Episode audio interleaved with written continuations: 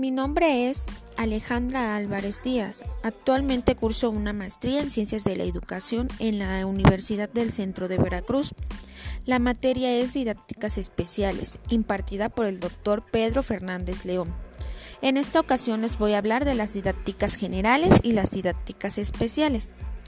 Las didácticas generales es cuando un conjunto de normas que se fundamenta de manera global en un proceso de enseñanza-aprendizaje sin considerar una materia en específica.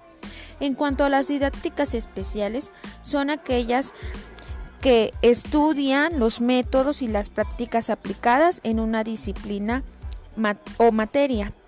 Como ya sabemos, la didáctica es aquella que nos lleva a crear estrategias para lograr un aprendizaje significativo.